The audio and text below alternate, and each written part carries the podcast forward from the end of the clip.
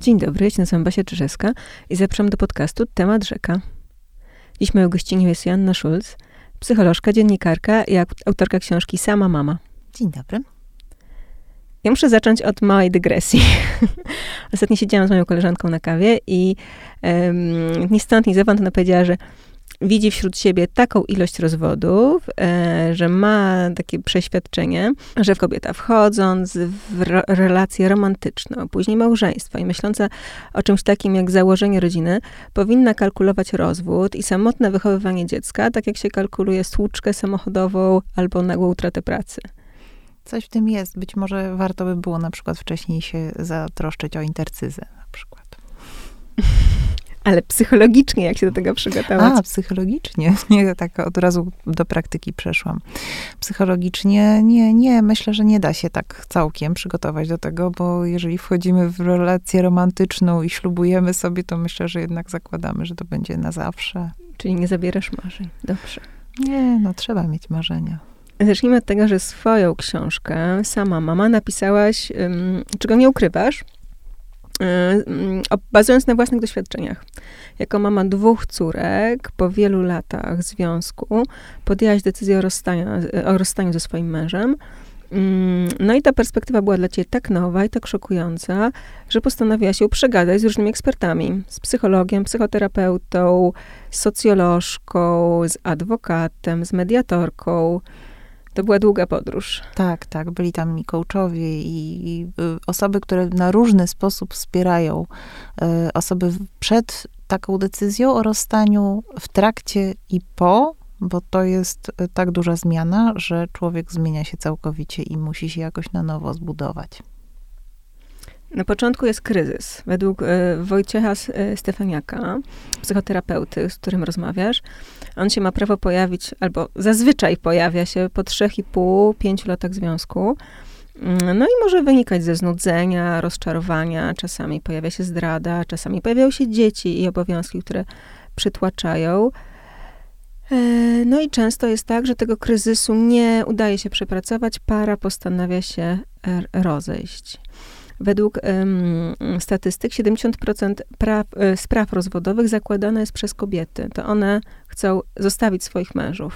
W domyśle biorą pod uwagę, że mogą stać się właściwie samotnymi matkami. Tak, akurat ta rozmowa z panem Stefaniakiem, psychoterapeutą i filozofem przy okazji jest, myślę, i to wiem od wielu par, które czytały tę książkę, e, dobrą podstawą do, do zastanowienia się, czy my e, uprawiamy taką profilaktykę rozwodu na co dzień w swoich związkach, bo właśnie to pokazanie, kiedy te kryzysy mogą nastąpić, z czym się mogą wiązać, jak do nich podchodzić, myślę, że to jest bardzo ważna perspektywa, bo czasem już po prostu jest za późno, a na wcześniejszym etapie można było jeszcze coś, coś naprawić. No ale jeśli pojawia się już sąd i decyzja zapada, i para jest ze sobą skonfliktowana, to często w tym samym momencie podejmuje decyzję o tym, jak podzielić swoje obowiązki rodzicielskie. I to jest bardzo ryzykowny moment na takie decyzje, bo po pierwsze, nie mamy takiej wizji, kim się staniemy za chwilę, jak sobie poradzimy z tą sytuacją, która będzie nowa, psychicznie, materialnie, zawodowo, myślę tutaj o organizacji pracy. Mm, często walczymy z naszym partnerem, więc dzieci stają się jakimś argumentem. Groźby o odebraniu praw rodzicielskich, albo kobiety unoszące się honorem, mówiące o tym, że one niczego nie chcą od swoich partnerów i wszystko biorą na siebie. To są takie um, emocjonalne wizje, które później po latach mogą mieć zupełnie inne zabarwienie i zupełnie zmieniać sytuację. Jakie są modele? Tu powiedziałaś o kilku bardzo ważnych sprawach. Po pierwsze, przedstawiłaś to, co jest rzeczywiście praktyką, czyli splątanie absolutne relacji partnerskiej i relacji rodzicielskiej. My jesteśmy przed rozwodem rodzicami i partnerami, i trzeba te dwie kwestie zupełnie rozdzielić jeżeli mnie strasznie wkurza mój były, e, to mnie wkurza i to jest moja złość, natomiast absolutnie nie można tego przekładać na, na to, jakim jest tatą, jaką ja jestem mamą, czy my będziemy ze sobą w jakiś sposób walczyć za pomocą dzieci, bo wtedy dzieciom dzieje się ogromna e, krzywda, co jest oczywiście jasne, a mimo wszystko bardzo powszechną e, metodą jest szantażowanie, manipulowanie za pomocą właśnie dzieci, czy tego, kiedy ci wydam dzieci, kiedy przyjadę po dzieci, czy ci dam pieniądze na dzieci. To, to są ciągłe walki. Ale ta metoda jest używana bezskuteczna, więc jeśli ten konflikt ma taką temperaturę, to czy można taką decyzję jakoś odwlec w czasie? Licząc, że sytuacja się unormuje, jak e, emocje opadną? Znaczy, generalnie właśnie, to są ogromne emocje, w których przestajemy widzieć jasno. Płaty czołowe nam przestają działać i zaczynamy kierować się zupełnie podstawowymi instynktami takiego dopieczenia, z, z, z, jakiejś zemsty, chęci y, pokazania, jak bardzo jestem skrzywdzona czy skrzywdzony.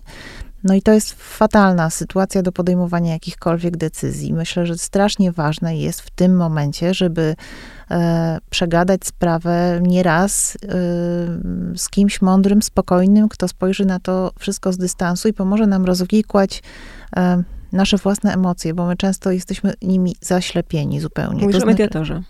Mówię o albo terapeucie, który pomoże nam się przyjrzeć emocjom naszym własnym, że na przykład to, co ja czuję, ten straszny, straszny gniew, to on jest z tego a tego powodu na przykład, że, że ja miałam jakieś założenia, y, że czegoś oczekiwałam, czegoś potrzebowałam i tego nie dostałam, albo dostałam coś szokująco brutalnego.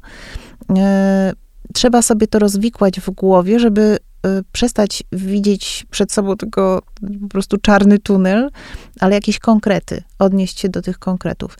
A mediator oczywiście y, jest fantastycznym pomysłem na to, żeby w ogóle porozmawiać z drugą stroną i naprawdę radzę tego spróbować nie tylko osobom, które są jakieś bardzo skonfliktowane, ale na przykład tli się gdzieś tam w, w, w sercu jakiś żal, jakiś, jakiś, jakaś obawa, jakiś problem to, co wyszło z tych moich rozmów, które robiłam do książki, to bardzo e, na przykład y, zaciekawiła mnie taka rzecz. Jedna z mediatorek powiedziała mi, że ludzie są w różnej, w różnej fazie gotowości na rozstanie. Mhm. Czasem jest tak, że jedna osoba już podjęła decyzję, ona to sobie przemyślała wszystko, wie, że się chce rozstać, a druga osoba no, przyjęła jakoś te informacje, ale nie jest na to wcale jeszcze gotowa twierdzi może, że jest, ale nie jest. I teraz y, mediator czasami pomaga przyjrzeć się takiej kwestii i y, na przykład wygospodarować trochę czasu albo trochę przestrzeni na rozmowy, żeby to wszystko przegadać i żeby nie okazało się za chwilę, za dwa na przykład lata, mm, że konflikt, który nie był rozwiązany, urósł. I, mhm. I że teraz sobie dokopujemy nawzajem, albo że jedna strona zachowuje się w jakiś racjonalny sposób, nie wiadomo dlaczego, złośliwie w tej chwili utrudnia na przykład właśnie kontakty z dziećmi, albo, mm, albo robi jakieś inne złośliwości. No właśnie, bo tutaj trzeba założyć, że podkreślić, że rozwód, który w innych sytuacjach oznacza koniec kontaktów y, z drugą osobą, z byłym partnerem czy partnerką, w przypadku dzieci jest po prostu końcem pewnej fazy, mm, ale ciągłą zależnością i ten partner będzie się pojawiać przez najbliższe kilkanaście, kilkadziesiąt lat, jeśli nie do końca życia. Tak, i y, to jest w ogóle takie y, podejście niektórych psychologów, którzy mówią, że po prostu trzeba teraz przyzwyczaić się do zupełnie nowej relacji i ją zbudować na nowo, bo to będzie dalej relacja bardzo silna w naszym życiu, bardzo ważna, bardzo wpływająca na wiele aspektów codzienności, tego jak sobie układamy weekend, y, gdzie chcemy spędzić święta, co z wakacjami, mm, co z wyjazdami do cioci i tak dalej, i tak dalej. Albo do jakiej szkoły idą nasze dzieci i jakim wartościom hołdują. Dokładnie. Czy wolno im pójść na e, marsz protestacyjny, czy e, mogą spotykać się z tymi a tymi znajomymi? To są hmm. często kwestie właśnie wartości. Z jakiegoś powodu ci ludzie się rozstali, więc być może mają konflikt na poziomie wartości właśnie wyznawanych politycznych na przykład mhm. kwestii. No i się zaczynają schody, kiedy, nie wiem, mama puszcza córkę na, e, na marsz protestacyjny, a ojciec mówi, że po jego trupie i że, że do czego to doszło i zaczyna się rozgrywka jakaś. Mm. No dobrze, to jakie, jakie mamy modele? Jak można podzielić y, się obowiązkami i wychowaniem dzieci? Dużo zależy od wieku dzieci, ale no, modele główne są takie, że albo dziecko jest y, głównie z jednym rodzicem, i to zwykle jest mama w polskiej praktyce, a tata ma wyznaczone widzenia, spotkania. To są czasami dni w ciągu tygodnia z nocowaniem, czasami to są weekendy. Ileś tych weekendów to trzeba się podzielić też takimi okazjami, jak właśnie święta czy, czy wakacje. Jest taka metoda, żeby się dzielić opieką na pół, czyli dziecko jest przez na przykład jeden tydzień u rodzica jednego. Model naprzemienny. Naprzemienny, a, a przez drugi tydzień u drugiego. Uważasz, że to jest dobre? Mm, to jest dobre dla niektórych rodzin. Tutaj akurat w tej kwestii jest bardzo potrzebna umiejętność dogadania się, bo w tej sytuacji jeszcze bardziej jesteśmy jakby wciągnięci w swoje życie nawzajem. E, znam takie sytuacje, kiedy to się sprawdza, kiedy rodzice mieszkają blisko siebie, kiedy to nie jest takie bardzo kłopotliwe, że trzeba wieść dziecko pod, na drugą stronę miasta i potem się okazuje, że na przykład zapomnieliśmy jednego zeszytu na jutro i trzeba znowu wracać mhm. i to są takie kłopoty już praktyczne. Ale mm, to na pewno jest obciążające y, dla dziecka w niektórych sytuacjach. Y, powiem o modelu skandynawskim, który wydaje mi się bardzo ciekawy. To jest taka sytuacja, w której dziecko mieszka jed, pod jednym konkretnym adresem i na przemian na tydzień y, wprowadzają się do niego raz mama, raz tata. I dla wielu rodziców to jest e, szok, że ale jak to? No jak ja mam się tak ciągle przeprowadzać? No a jak dziecko ma się tak ciągle przeprowadzać? Dla niego to też nie jest łatwe. Wiadomo, że mamy potrzebę jakiejś oswojenia swojej przestrzeni.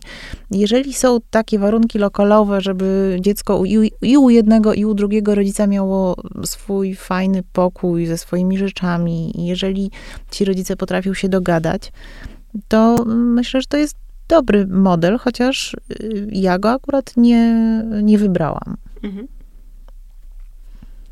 No dobrze. No jeszcze są takie scenariusze, w których jeden rodzic odpływa, yy, często jest pozbawiony praw, nie jest w stanie zajmować się dzieckiem i wtedy całe, yy, cały ciężar spada na tą drugą osobę. Yy, tak, albo jest pozbawiony praw, albo po prostu ich nie chce. To znaczy sam znika i wtedy to już w ogóle jest taki kłopot, że y, powiedzmy ta mama, no najczęściej mama, która zostaje z dzieckiem, mm, często nie dostaje alimentów na to dziecko, musi sama zapewnić mu byt, a jednocześnie y, potrzebuje akceptacji ojca do rzeczy takich jak zapisanie do szkoły, jak wyrobienie paszportu, y, różne sprawy urzędowe. No i to jest powiem wprost, denerwujące bardzo. Mhm. Skoro już i tak to dziecko jest y, cały czas na mojej głowie i, i ja się nim zajmuję i ojciec nie chce mm, mieć w tym wszystkim udziału, to czemu mam się go pytać o zdanie, zwłaszcza, że to się często pojawia taki motyw, aha, to teraz ci dopiekę. Teraz zobaczysz, że bez mojej zgody nic nie załatwisz. No tak, ale tutaj wracamy właśnie do tego wcześniejszego punktu pod tytułem rozładuj napięcie, podziel swoje tak. E, życia z, i kompetencji. Mhm. Zrozum, o co ci w ogóle chodzi i dlaczego Czyli trzeba tak. odrobić tę lekcję. Tak. Ale bez względu na to, który z tych modeli wprowadzimy w życie, mm, każdy z tych rodziców, e, każdy z tych rodziców, który zajmuje się dziećmi, czy, czy przez tydzień, czy przez weekend, mm, pojawi się w takiej zupełnie nowej sytuacji, że okej, okay, to teraz to ja organizuję czas, zajmuję się jedzeniem, praniem, gotowaniem, płacę rachunki, rozmawiam z przedszkolanką albo panią w szkole, wszystko spada na mnie. To może być przytłaczające doświadczenie, zwłaszcza, że pojawiają się jakieś problemy emocjonalne, jakaś e, sytuacja adaptacji do zupełnie nowych warunków sposobu życia. To jest bardzo silny stres y, i taki moment chyba rozpadu, prawda, dawnej osobowości. Zdecydowanie. Znaczy, tu w ogóle się trzeba jeszcze zmierzyć na przykład z tym, że mm, dziecko może wcale nie chcieć takiej sytuacji, że to tata decyduje, albo że to mama decyduje, bo on woli tego drugiego rodzica. Tu jeszcze jest kłopot z tym, że dzieci okresowo wolą jednego albo drugiego rodzica czasami. I z tym też się trzeba jakoś zmierzyć. Mm. Myślę o tym przytłoczeniu, mhm. które jest naturalną koleją rzeczy. Jak ono długo trwa, jak sobie z nim radzić, czy delegować obowiązki komu. Wiesz, no to, oczywiście zależy od sytuacji. Ja się spotykam z takimi um, refleksjami od um, moich znajomych kobiet, które na przykład miały partnera niezaangażowanego w opiekę nad dzieckiem i dla niego to jest wszystko nowość. Um, I fajnie jest, jeżeli kobieta myśli sobie, dobra, dla niego to jest nowość, ale dam mu się z tym zmierzyć. No nie, nie będę go krytykować, nie będę za każdym razem mówić, a bo tatuś cię ubrał idiotycznie w tam bliznę termoaktywną zamiast w, e, zamiast w, w spodenki. Bo albo, taka była, spakowana. Tak, albo taką znalazł w szafie. Albo nie, nie będę narzekać, że dostałeś pizzę na obiad, no bo, no dobra, mieliście pizzę, fajnie, cieszę się. Mm, to by było idealnie, tak, żeby tak nie krytykować tego drugiego rodzica, bo to Mm, bo to też nie ułatwia sytuacji. Natomiast rzeczywiście, no jest to przytłoczenie, bo trzeba raptem się zmierzyć z rzeczami, z którymi się wcześniej nie, nie mierzyliśmy i to może potrwać, no nie wiem, miesiącami, tak, taka adaptacja, ale z każdą chwilą jest łatwiej. Ale jest też perspektywa kobiet, które na przykład ty, ty, piszesz o tym, że jedziesz na wakacje ze swoimi córkami i nagle na plaży widzisz samych zaangażowanych mężczyzn. Twój mózg działa tak, że wyłapujesz tylko te przykłady, których tak bardzo ci brakuje. I płakać się chce. I to jest poczucie słabości w momencie, kiedy powinnaś się regenerować, być, być dostępna dla swoich dzieci, opalać się i korzystać z życia. To znaczy, umówmy się, że jeżeli sama jedziesz na wakacje z dziećmi i te dzieci nie są zbyt duże, to w ogóle nie ma mowy o jakimś odpoczynku, dlatego że cały czas ogarniasz sytuację i nie masz takiej możliwości w ogóle, żeby się zrelaksować. Ja odkryłam wtedy audiobooki, bo jednocześnie patrzę na dzieci, a, a coś mi tam gada do ucha. Natomiast tak, rzeczywiście do, dopada e, smutek, dopada stres. Czego ja się nauczyłam, to myślenia o tym, że to jest tylko jakiś wycinek ich rzeczywistości. To jest tylko kawałek tego y, życia tej rodziny. Być może nie wiem o wszystkim, być może teraz na plaży tata się fantastycznie bawi ze swoim synkiem i buduje z nim zamek z piasku, a w domu wcale nie jest tak różowo. E, nauczyłam się nie porównywać do innych, ale to była bardzo długa droga, strasznie długa. Ja się też nauczyłam nie porównywać do innych, na przykład w sklepie, kiedy patrzyłam na pary, które się czulą do siebie i, i pan, pani kupuje coś ładnego, mm, albo szykują sobie romantyczną kolację i kupują wino. I no, to był długi proces, żeby nie zazdrościć, bo mhm. potem się często dowiadywałam, mm, że te związki, których tak zazdrościłam, też się rozpadały, albo nie albo były mają swoje kryzysy. Albo mają swoje kryzysy. To znaczy, rzeczywiście bardzo, założyłam, że bardzo mnie wspiera i zasila patrzenie tylko na mój kawałek, hmm. a nie porównywanie się z innymi. A pozytywne przykłady? Jakieś kobiety z otoczenia, które wychodziły z podobnego punktu, a rozwijały skrzydła i stawały się nową, lepszą wersją siebie? Mnóstwo pozytywnych przykładów. Sama jestem pozytywnym przykładem. Otóż to. Ja po rozwodzie i to jeszcze w sytuacji, w, w, w, której e, okazało się, że moja, jedna z moich córek jest przewlekle chora i tak naprawdę wymaga dużo zaangażowania i opieki. Mm, nie tylko stanęłam na nogi i, i poczułam się mocniejsza, ale też zaczęłam spełniać swoje marzenia, poszłam na studia, e, dodatk- następne studia magisterskie, czyli ciężkie, to nie była podyplomówka. Mhm. Więc przez parę lat nie miałam weekendów. E, po, po, korzystałam z pomocy moich rodziców czy, czy osób bliskich. Akurat w tym okresie życia moje córki nie zawsze chciały jeździć do taty, bo to też jest tak, że czasem dzieci nie chcą i nic na to nie poradzimy. Jakiś mamy plan w głowie, aha, dobrze, to ja się będę dzielić z mężem weekendami i co drugi weekend będę miała wolny, a to się okazuje, że guzik, dlatego że jedno dziecko na przykład wcale nie chce pojechać, bo ma jakiś kłopot, bo potrzebuje tego, żeby pobyć z mamą w domu i przegadać coś. No i plany biorą w łeb. Ale wracając do pozytywnych przykładów, E, znam dużo rodzin patchworkowych, które się e, po rozwodach, po kryzysach, gdzieś tam ludzie się znaleźli na nowo i tworzą nową, większą rodzinę i bywa ciężko, ale bywa też bardzo, bardzo dobrze. Znam też takie kobiety, które mm, cieszą się swoją wolnością, żyją sobie z dzieckiem czy dziećmi samodzielnie, czy, bo na pewno nie samotnie. Mhm. Natomiast mieszkają same, ale wchodzą w różne relacje, y, rozkwita ich życie towarzyskie, zaczynają podróżować, a kiedy dzieci dorastają, są po prostu y, takimi cieszącymi się życiem kobietami. to jest taki ważny element, którego nie można, mm, o którym, którego nie można pominąć, że już jak staniemy na nogi, jak rozwiejemy te żale i troski, jak już nauczymy się poczujemy się pewniej w nowej roli, nauczymy się być samodzielne, no to wtedy możemy się zbudować na nowo. I jeżeli wejdziemy w to świadomie, postawimy sobie jakieś cele, to mamy szansę na dużą realizację. Zdecydowanie tak. To znaczy, mnie na przykład zaskoczyło to, że mam taką wolność wyboru takich zwykłych, podstawowych rzeczy typu Mm, czy śpię przy otwartym oknie, czy nie. To są takie drobiazgi, ale też tego, z kim się spotykam, jak spędzam czas swój wolny, na co przeznaczam energię i jak gotuję na przykład i co jem. Mm, I na początku to było takie bardzo uwalniające, a potem trochę się w tym pogubiłam i już nie wiedziałam, kim ja y, dalej chcę być, i po, wtedy pomogła mi praca terapeutyczna i, i coachingowa.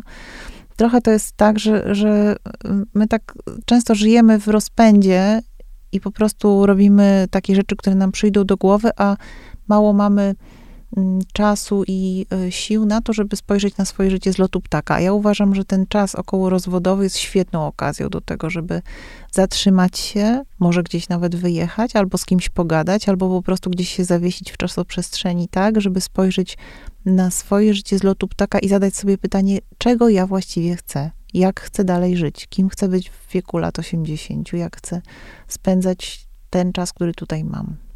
Janna, powiedziałeś, że weszłaś w ślepe uliczki. Co to było? No to było na przykład zatracenie się w pracy, ale takiej, która mnie fascynowała, ale, ale też drenowała z energii. Mhm.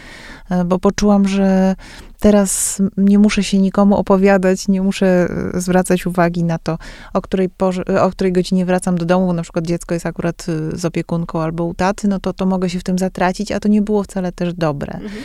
Mm, okazało się, że muszę sobie gdzieś tam świadomie ustawiać jakiś tam balans między życiem pracowym a, a osobistym. E, to też było e, na pewno ogromny głód uczucia, miłości, nowych relacji. E, I takie trochę wchodzenie w te nowe relacje na łeb na szyję, aż się sparzyłam tak bardzo, że w ogóle stwierdziłam, że nie chcę w żadne nowe relacje wchodzić. I tak to trwało przez, przez też dosyć długi czas. Mhm. Mm, tak, i, i, i, a potem spotkałam już tę osobę, na którą byłam gotowa, ale widocznie musiałam bardzo dobrze siebie poznać bardzo przepracować wiele rzeczy w moim życiu, żebym była gotowa na to, żeby nie być sama. Mm-hmm. No właśnie, bo, bo jest taki syndrom um, rodziców, którzy oddają swoje dzieci pod opiekę i mają na przykład wolny weekend i wtedy mają taką ogromną chęć nadrobienia wszystkich zaległości.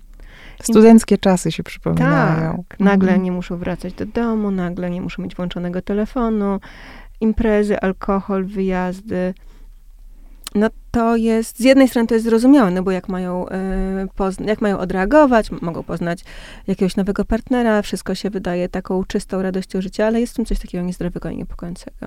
Tak, tak wydaje mi się, że to jest trochę zatracenie takie y, się i próba zapomnienia i mm, nieczucia tych emocji, które tak doskwierają. Ja jestem raczej zdania, że mm, emocjami się dobrze zająć na terapii, a a jeżeli ktoś potrzebuje takich weekendów w, w zamroczeniu alkoholowym czy innym i, i w totalnej e, takiej szaleństwie, to być może ma jakiś problem, od którego ucieka. Czyli należy się sobie przyglądać, jednym słowem. Zdecydowanie. Mm.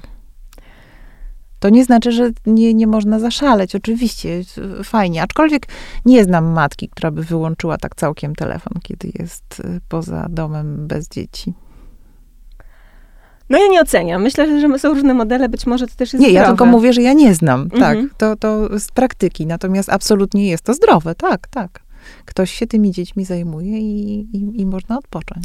Na tym etapie y, zabawy, nazwijmy to w ten sposób, y, y, i nadrabiania zaległości, pojawia się pewna trudna emocja, a mianowicie poczucie winy.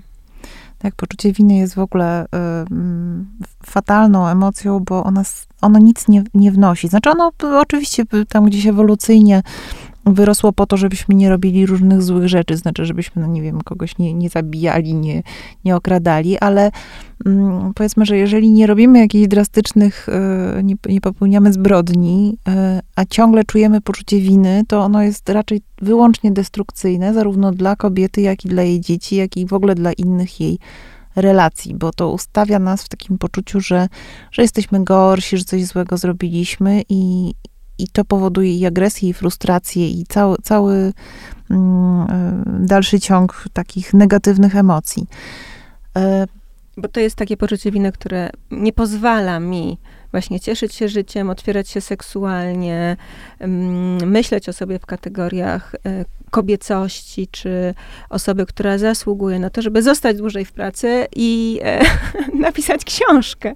Tak, ale to też jest takie poczucie winy, którym manipulują często bliskie nam osoby. I to jest też kłopot, bo to jest na przykład takie stwierdzenie, które ja słyszałam e, nie w stosunku do mnie, ale w stosunku do osoby, która też się rozstała z mężem, że no poszła sobie na, na, jakąś imprezę, no tam się spotyka z kimś, no ja bym tak nie mogła, a dziecko zostawiło, zostawiła samo pod moją opieką. Kurczę, no to dobra jest ta opieka, czy nie? To chyba jeżeli dziecko jest u babci i dobrze się czuje i, i, e, i jest mm, zaopiekowane, to, to niech ta matka też ma troszeczkę e, życia.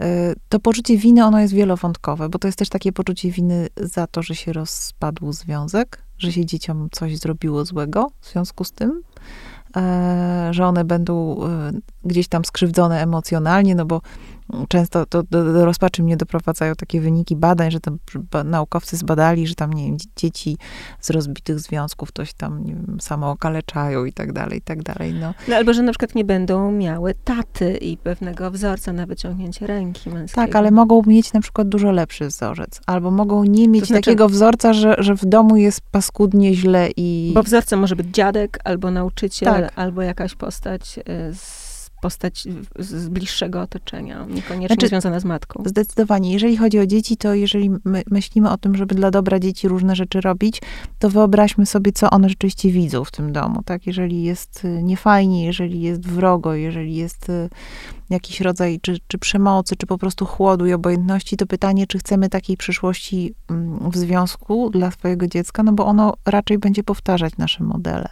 Mhm. A jeżeli nie, no to będzie musiało wykonać ogromną pracę, żeby się od tego odkleić, od takiego poczucia, że tak właśnie wygląda bliska relacja, że na przykład polega na poświęcaniu się. Ale to poczucie winy chyba często się bierze stąd, że właśnie brakuje nam tych wzorców. Bo skoro nie wiemy, jakie mamy być, ciągnie nas w jakąś stronę, tutaj y, jesteśmy matką Polką, tutaj y, znowuż jesteśmy nastolatką, tu jesteśmy najlepszą uczennicą, myślę na przykład o pracy w korporacji, to bardzo trudno e, połączyć te e, różne maski w jakąś jedną spójną postać. Więc stąd być może jest ta potrzeba mm, innych modeli, innych wzorców, jakichś urzeczywistnionych w, z imieniem i nazwiskiem, z życiorysem. Dlatego bardzo namawiam na to, żeby popracować nad sobą właśnie na takim zakręcie życiowym, żeby się zatrzymać i spojrzeć na to, kim my chcemy być i w jaką stronę iść.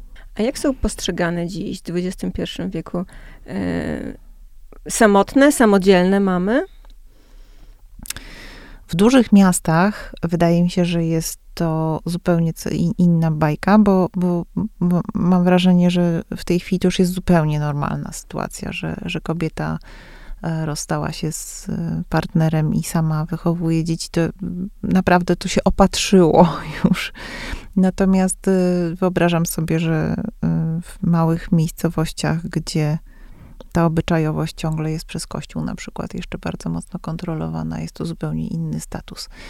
Natomiast no wydaje, wydaje się, że rozwód już przestał być stygmatem takim. To już przestał być wstyd. Z perspektywy wielkomiejskiej żadne dziecko raczej nie usłyszy, albo twoi rodzice się rozwiedli, ty jesteś gorszy. Mam przynajmniej taką, takie wrażenie, taką nadzieję. Mm, ale y, zmieniło się i to zmieniło się w ostatnim czasie, w ostatnich latach. Myślę, że przykład też y, i wśród, nie wiem, celebrytów, aktorów, znanych ludzi, ludzi kultury pokazuje, że no, no można sobie układać potem jeszcze życie na nowo.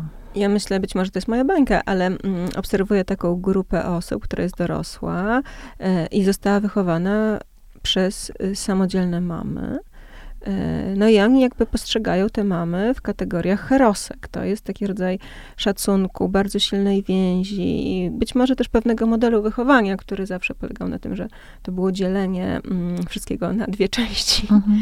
E, więc te, te, w tym jest dużo bliskości, blisko uzna, dużo uznania i, i szacunku. Tak, tylko mm, jest też w moim poczuciu takie drugie dno, że często te dzieci dorosłe już, tych matek, które były takie, takie poświęcone temu wychowaniu dzieci, mają ogromne wyrzuty sumienia, mają tak, takie poczucie, że trzeba tymi mamami się bardzo zajmować, że one teraz już nie mają nikogo, nie mają swojego życia. I to mi daje do myślenia i staram się tak żyć, żeby moje córki za jakiś czas nie miały takiego poczucia, mhm. że, że ja się dla nich poświęciłam. I teraz trzeba spłacić dług tak, i trzeba spłacić dług, bo one się świadomie nie, zadłuż, nie zadłużały, tak. To, mhm. to jest dług, który ktoś nam e, bez naszej wiedzy za, zakłada i to jest ogromne obciążenie. Szukam takich popkulturowych wzorców, takich przykładów y, matek, które są być może trochę przerysowane, ale szczęśliwe, zrealizowane samotnych matek, samodzielnych matek. E, I mogą być jakimiś nowymi wzorcami osobowymi. Trochę ich nie znajduję. E, ja ich nie znajduję, dlatego że ja bardzo mało e, oglądam mm, filmów i, i narracji różnych, ale to dlatego, że nie mam na to czasu, bo jestem samotną mamą. Nie, znaczy trochę żartuję, ale, ale na pewno wolę y, akurat poczytać niż, niż coś oglądać. No, to Natomiast może literatura, hello. A, literatura, nie wiem, czy tak nadąża za, za tymi przemianami. Myślę, że znalazłoby się mnóstwo, nie potrafię podać przykładów, ale może to dobrze, wiesz, a może to jest dobrze, że to już spowszedniało i że teraz nie mamy takich ikon. No, ale nie mamy też modeli, to znaczy nie mamy też wyboru różnych temperamentów, które wcielają e, jakieś nowe ideały w, w okolicznościach zmieniającej się. Ja myślę, że to się dzieje po prostu w naszym życiu. Obserwujemy to, jak mają inni i się jakoś y, do tego porównujemy, nie wiem, odnosimy. Jeżeli patrzeć już kulturowo i na to, co jest ważne akurat w naszej kulturze, to Matka Boska też miała patchworkową rodzinę. Y, święty Józef nie był ojcem, był ojczymem, tak? Także no, powiedzmy, że ten model też jakoś się sprawdził. Książkę napisałeś w 2019 roku, tuż przed pandemią. E, no, to nie, nie ulega wątpliwości, był ważny czas. Czy on dużo zmienił? Czy teraz dodałabyś coś do książki? Czy zmieniło się coś w mentalności? Czy masz nowe obserwacje?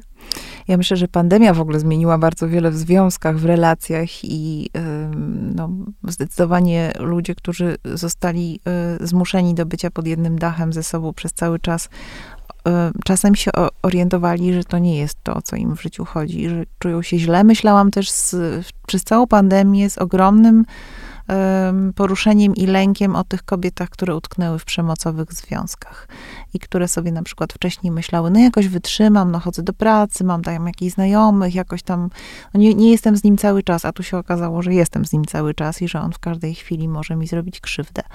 Więc to, to na pewno, e, ale to jest jakby wątek, który nie dotyczy mnie. Natomiast e, co ja bym, e, czy ja bym coś dodała do, do książki. Wydaje mi się, że ona jest w ogóle ponadczasowa i dobrze sobie radzi mimo upływu już kilku lat. Natomiast e, wydaje mi się, że takim obszarem, który też bardzo intensywnie e, zmienia nasze życie, są media społecznościowe.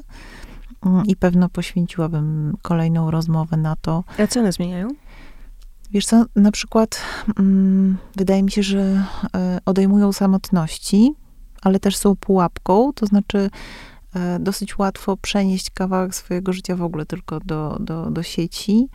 Mm, urealnie to może. E, dla mnie trudne było, na przykład to w porozstaniu, e, kiedy już byłam z dziećmi sama, nie, nie tylko to, że, że ja mam cały ten natłok obowiązków, ale też to, że ja nie mam z kim się dzielić radością z obserwowania dzieci, tego, co powiedziały śmiesznego, jak się zachowały, mm, co tam się wydarzyło w przedszkolu i tak dalej. I e, media społecznościowe są takim miejscem, w którym obce sobie osoby mogą się jakoś nawzajem wspierać, opowiadać sobie takie rzeczy i nie czuć się tak strasznie samotnymi. Ale cały czas jednak to jest wirtualna sytuacja. Mhm. A nam do życia potrzeba bliskich relacji i dosyć łatwo można wpaść w takie, nie chcę używać słowa uzależnienie, ale jednak taki nawyk przeżywania tego wszystkiego w przestrzeni wirtualnej, a zaniedbywania bliskich relacji, takich twarzą w twarz, gdy ktoś cię przytuli, jak ci jest źle, to złapie cię za rękę. Mm. A czego się nauczyłaś z tej książki? Co, co, co ci przy, przyniosło? Jakie rozwiązania? Myślę, że bardzo mnie uwrażliwiła na perspektywę drugiej strony. Bardzo mi zależało na tym, żeby w książce pojawił się rozdział o perspektywie męskiej. Ja oczywiście pisałam z, ze swojej perspektywy kobiecej, ale pytałam również ze swojej perspektywy kobiecej specjalistów, jak, jak uważają, co, co w takiej sytuacji należy zrobić. Natomiast jeden rozdział poświęciłam wyłącznie temu, w jaki sposób mężczyźni przechodzą przez rozwód i, i czy to jest inaczej, i czy oni mniej cierpią, czy to, że y, odreagowują, powiedzmy, wypijając y, duże ilości alkoholu z kolegą w, w barze, a nie przepracowując emocje na terapii, czy to jest gorzej, czy lepiej. Mm, i e, myślę, że dużo zrozumiałam z tamtej perspektywy. E, udało mi się tak mocno poczuć, że każdy w sytuacji rozstania, każdy jest zraniony, bo to zawsze jest jakiś rodzaj nie tyle porażki, ile końca pewnego marzenia, pewnego wyobrażenia. I z tym trzeba sobie jakoś poradzić, i nawet jeżeli niedługo potem wchodzimy w nowy związek, to wydaje mi się, że potrzebny jest taki okres żałoby i przepracowania tego, co się nie udało, co się straciło. A co z samodzielnymi ojcami? Czy, czy poznałaś takiego mężczyznę? Tak, aczkolwiek jest ich na tyle niewiele, że, że jakby nie poznałam różnego spektrum mm, sytuacji tych męskich, tych, tych y, problemów, y, które wynikają z samodzielnego ojcostwa, wciąż wydaje mi się, że jest im trochę łatwiej. Dlaczego? Dlatego, że kiedy na zebraniu w pracy kobieta mówi, że musi wyjść wcześniej, bo nie zdąży odebrać dziecka z przedszkola, to jest to inaczej odbierane niż jak powie to ojciec. Ale Wciąż. być może on się musi nauczyć bardzo wielu nowych rzeczy, tak. kobieta, do których kobieta jest przysposobiona kulturowo. No właśnie tu mam wątpliwość, dlatego że w, w, kulturze wciąż istnieje takie założenie, że kobieta ma instynkt macierzyński, co jest obalone. Ja myślę o takiej teorią. wiedzy, którą, którą podpatruję od swojej babci, mamy. No tak, podpatruję albo nie. Mhm, Kobiety okay. też mają różne doświadczenia i, i też mają różne zasoby mhm. i mm, myślę, że mm, założenie, że kobiecie jest łatwiej na co dzień zajmować się dziećmi, e, jest błędne. Znaczy, te, temu rodzicowi jest łatwiej, który to po prostu robi, tak? który ma doświadczenie.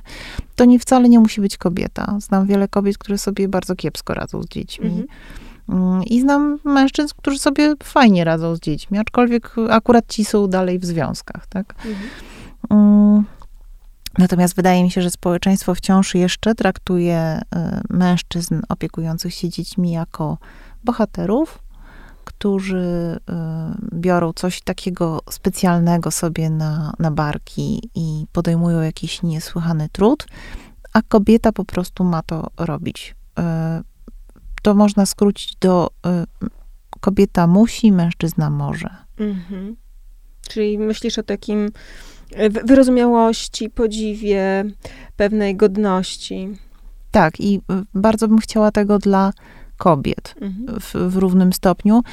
Ja jeszcze powiem o takim swoim doświadczeniu, ponieważ od czasu wydania tej książki trochę y, piszę na ten temat również krótszych form mhm. tekstów, wywiadów. I zauważyłam jedną prawidłowość. Pod każdym moim tekstem, nie tylko moim, bo teraz obserwuję też i koleżanki po fachu, które na ten temat piszą, wylewa się wiadro hejtu. Strasznie ludzie nie lubią samotnych mam, ci w internecie, ci mhm. anonimowi. I mają im za złe y, dwie rzeczy. Jedna to jest taka postawa, że nie narzekaj teraz, babo, wiedziałaś, co brałaś, widziały o, gały, co brały. Konsekwencja bycia matką, prawda? Tak, znaczy w ogóle, jak, jeżeli, jeżeli w ogóle wybrałaś sobie takiego beznadziejnego faceta, no to teraz nie narzekaj, y, że taka jesteś biedna i sama i opuszczona. To Mhm. jest jeden wątek, a drugi wątek dotyczy alimentów i tego, że rzekomo kobiety są takie pazerne, roszczeniowe i przeznaczają te pieniądze, które powinny być na dzieci, na swoje własne przyjemności. Ale hejterzy w internecie nie są reprezentatywni. To znaczy, oni są jakimś wycinkiem rzeczywistości, która jest po prostu głośniejsza i, i, i- widoczna. Myślę, że to nie jest e, obraz e, tego, co myśli, czy, czy czuje em, statystyczny Polak. Ale wiesz, to wywołuje konkretne y, reakcje emocjonalne u tych Mhm. samodzielnych kobiet, E, A to dalej wywołuje kolejne rzeczy, tak? Czyli kobieta czuje się gorsza, czuje się niezrozumiana e, i zaczyna się zamykać w takiej swojej e, bańce tego poczucia e, gorszości. E, Dobrze by było, żeby się nie zamykała, tak? Ale to musi wykonać pewną świadomą pracę. Ta książka w pewien sposób przywróciła ci sprawczość. Opisałaś swoje doświadczenia, porozmawiałaś z ekspertami, stworzyłaś pewnego rodzaju, nie wiem, przewodniki, mapy różnych sytuacji. To, co mi ta książka na pewno dała, praca nad nią, to takie e, spojrzenie na swoje życie i mm, przekonanie, że ono jest fajne. Że ja sobie sama je teraz układam i że ono mi się podoba. E, To szukanie dobrych stron bycia samą, bo jest ich dużo. E, I mm, na pewno możliwość przyjrzenia się różnym etapom tego, co się wydarzyło i zrozumienia bardziej urealnienia sobie swojego życia. Dziękuję. Dziękuję.